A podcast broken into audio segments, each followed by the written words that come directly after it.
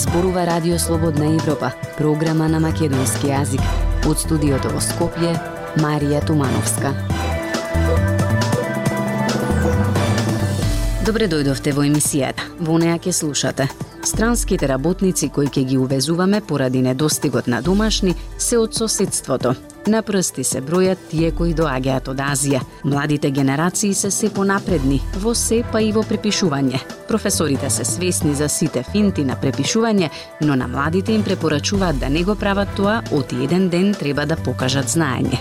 Од светот пренесуваме три лични приказни на млади луѓе кои се обидуваат да ги спасат своите родители од агресивната руска пропаганда. Независни вести и анализи за иднината на Македонија на Радио Слободна Европа и слободнаевропа.мк. Започнуваме со емисијата. Од почетокот на годината Агенцијата за вработување издала работни дозволи на две лица од Непал и 10 од Пакистан, а од Бангладеш немало заинтересирани. Најмногу дозволи се издаваат на работници од соседството и од Турција. Во Македонија има се помалку луѓе кои можат да работат, па еден од начините е да се увезат работници од странство. Но за тоа е потребен добар план, велат упатините. На овој прилог работеше Пелагија Стојанчова. Нема да биде лесно во Македонија ни да се увезат работници од странство. Потребна е стратегија и добро планирање зашто работата може лесно да се изјалови. Велат луѓето упатени во бизнисот по најавите на вице-премиерот за економски прашања Фатмир Битичи дека проблемот со недостиг на работници ќе се решава со увоз на работна сила од југоисточна Азија, каде што има пониска просечна плата од македонската. Во Македонија има над 110.000 невработени, но работодавачите се жалат дека тие се или неквалификувани заposleni или не сакаат да работат за тие пари што се нудат. Зоран Кочовски од Агенцијата за посредување при вработување Коузон вели дека најмалку 2000 евра ќе го чини работодавачот за да донесе работник од Непал, Пакистан или Бангладеш. На тие работници треба да им се купи авионска карта, да им се обезбеди работа, работна дозвола, сместување и тој работник треба да се задржи на работа најмалку 3 месеци. Не можете луѓе од Непал кои буквално идејата за да влезат во Европска во Европа на европско тло му е прва да побегнат за Германија. Значи тие луѓе нема да ги задржите вие повеќе од 6 месеци. Вели Кочовски. Тој го посочува примерот со увоз на странски работници во Албанија кој се изјаловил и зашто земјата била предупредена од европските партнери. Зошто тие луѓе би дошле во Македонија се прашува и Кристина Ампева од Гласен Текстилес, здружение кое ги застапува правата на вработените во текстилната индустрија со што ќе живеат. Компирот од 80 80 денара кроми 290 денара. Кој кај со кои плати ќе живеат тука? Ами кири, ами како? Ким градиме групни домови. Вилијам Пава.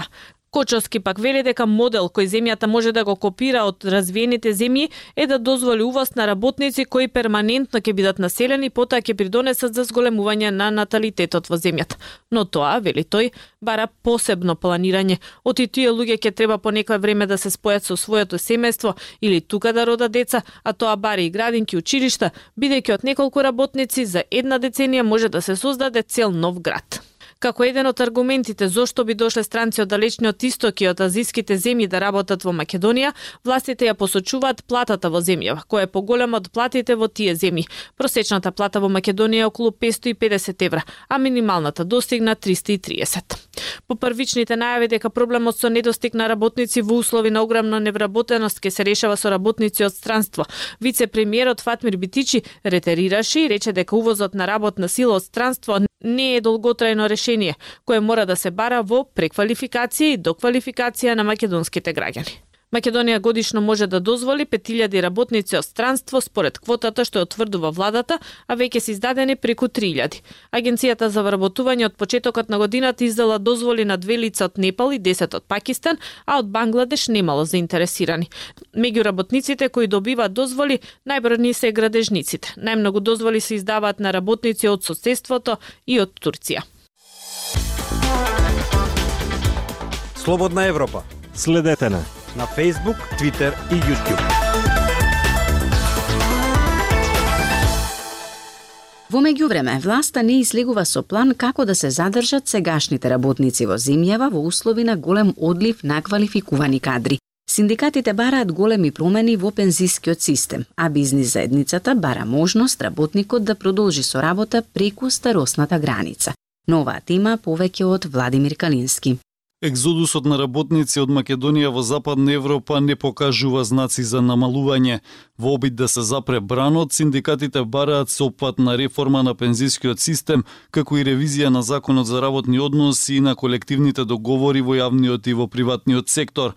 Тие тврдат дека само со решавање на овие критични прашања земјава може да се надева дека ќе ја задржи својата работна сила и ќе го спречи одливот на мозоци што ги одзема најдобрите и најпаметните. Ако зборуваме за градење на домашна економија и задржување на младите, мора да бидеме свесни дека мора да се обнови кадарот кој што го имаме во државата, бидејќи заминуваат се повеќе не само млади, него и високо образовани и високо квалификувани кадри од државата, особено секторите угостителство и туризам ги немаме како работници од месец март, април па се таму до октомври и останатите работници, пак ќе го споменам секторот градежништво, исто така гради туѓи економии по високо развиените западноевропски земји. Вели Иван Пешевски, подпредседател на Сојузот на синдикатите на Македонија за приватен сектор. Синдикатите потенцираат дека пензиската реформа во Македонија не треба да значи зголемување на старосната граница, поради што во повеќе европски земји во моментов се одржуваат протести на работниците, иако постојат препораки од Светската банка и Меѓународниот монетарен фонд дека во Македонија треба да се зголеми старосната граница за одење во пензија, на таквиот предлог се противат синдикатите. Ставот на бизнис заедницата пак е дека е потребна реформа која ќе овозможи на работникот да му биде дозволено да работи над дозволената старосна граница доколку има таква волја. Според Миле Бошков од Конфедерацијата на работ работодавачи, овој момент е клучен да се направи флексибилност на пазарот на трудот со оглед на моменталните разговори за законот за работни односи меѓу Министерството за труд и социјална политика, Бизнис конфедерацијата, Организацијата на работодавачи, Конфедерацијата на слободни синдикати и ССМ. Така треба да се направи да биде слободен избор на работникот кој се чувствува дека може да работи и да предонесе да работи. Оние кои се истрошени во трудоинтензивните дејности и за тие може да се направи мерка да одат порано на на во пензија или во одредениот рок. Вели Бошков, синдикатите велат дека работниците во земјава мора да добијат фер услови за работа и достоинствени плати. Реформата на пензискиот систем според нив треба да значи можност за предвремена пензија со наполнет стаж од 35 години за жени и 40 години за мажи, односно да не мора да ја чекаат старосната граница за пензија од 62 години за жени и 64 години за мажи. Овој предлог на ССМ е од 2020 година, но владата не прифаќа да го имплементира. Министерството за труд и социјална политика за сега молчи за тоа дали во владата се планираат нови модели за пензионирање. Од Министерството не одговорија на прашањата на Радио Слободна Европа дали се планираат некакви реформи за задржување на работниците. Радио Слободна Европа, светот на Македонија со бежична слушалка, од тајни ливчиња, од скриен телефон или од етикета на шише. Ова се само дел од начините на кои препишуваат средношколците. Професорите што ги контактиравме велат дека методите се се понапредни, но и дека не може цел живот да бидат препишувачи и шверцери и дека некогаш ќе треба своето знаење и да го покажат. Емилија Бунтеска Нацоска.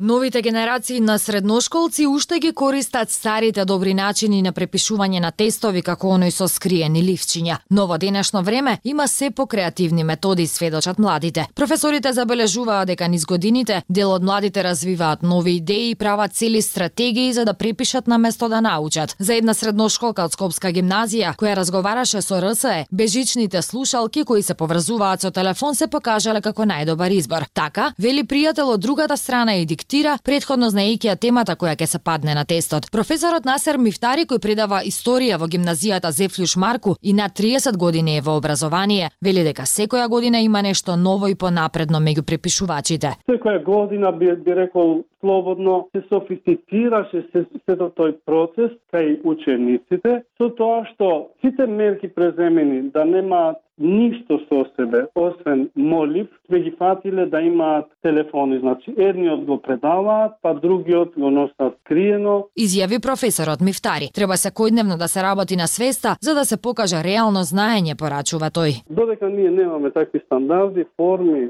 реални, ќе патиме едноставно. Многу е лесно да се предава, ама кога се доаѓа за оценување е најтешкиот момент. Заклучи професорот. Средношколка од Скопската гимназија Браќа Миладиновци пак вели дека се случувало и учениците пред тестот да напишат неколку реченици на табла кои не може лесно да ги запаметат и да препишат од таму. Повторно, без да забележи професорот. Сведочи дека ученици од различни училишта си препраќаат тестови меѓу себе со пораката «Еј, може истово да ви се падне ако правите тест на таа тема». Едно од решенијата би биле стандардизирани тестови за да се стигне до реални оценки, вели професорот Мифтари. Професорката по македонски јазик во Скопската гимназија Корчагин Татјана Алексич вели дека припишувањето е некој условен рефлекс на кој децата се навикнуваат со години. Ние сме немокни да ги контролираме, не можеш ти како джандар на секој ученик да бдееш 45 минути, пак на крајот нешто ќе препиша ако сака. Поентата е да им се даде а, до знаење дека не може цел живот да бидат препишувачи и шверцери, дека некогаш ќе треба своето знаење да го покажат без да се кријат зад преписки или телефон или апарат. Заклучува Алексич. Препишувачи и понатаму ќе има, за тоа се свесни и професорите, а како што се развива технологијата, се развиваат и нови идеи за препишување. Работењето на свеста дека тоа не е во ред, за сега им останува најважно.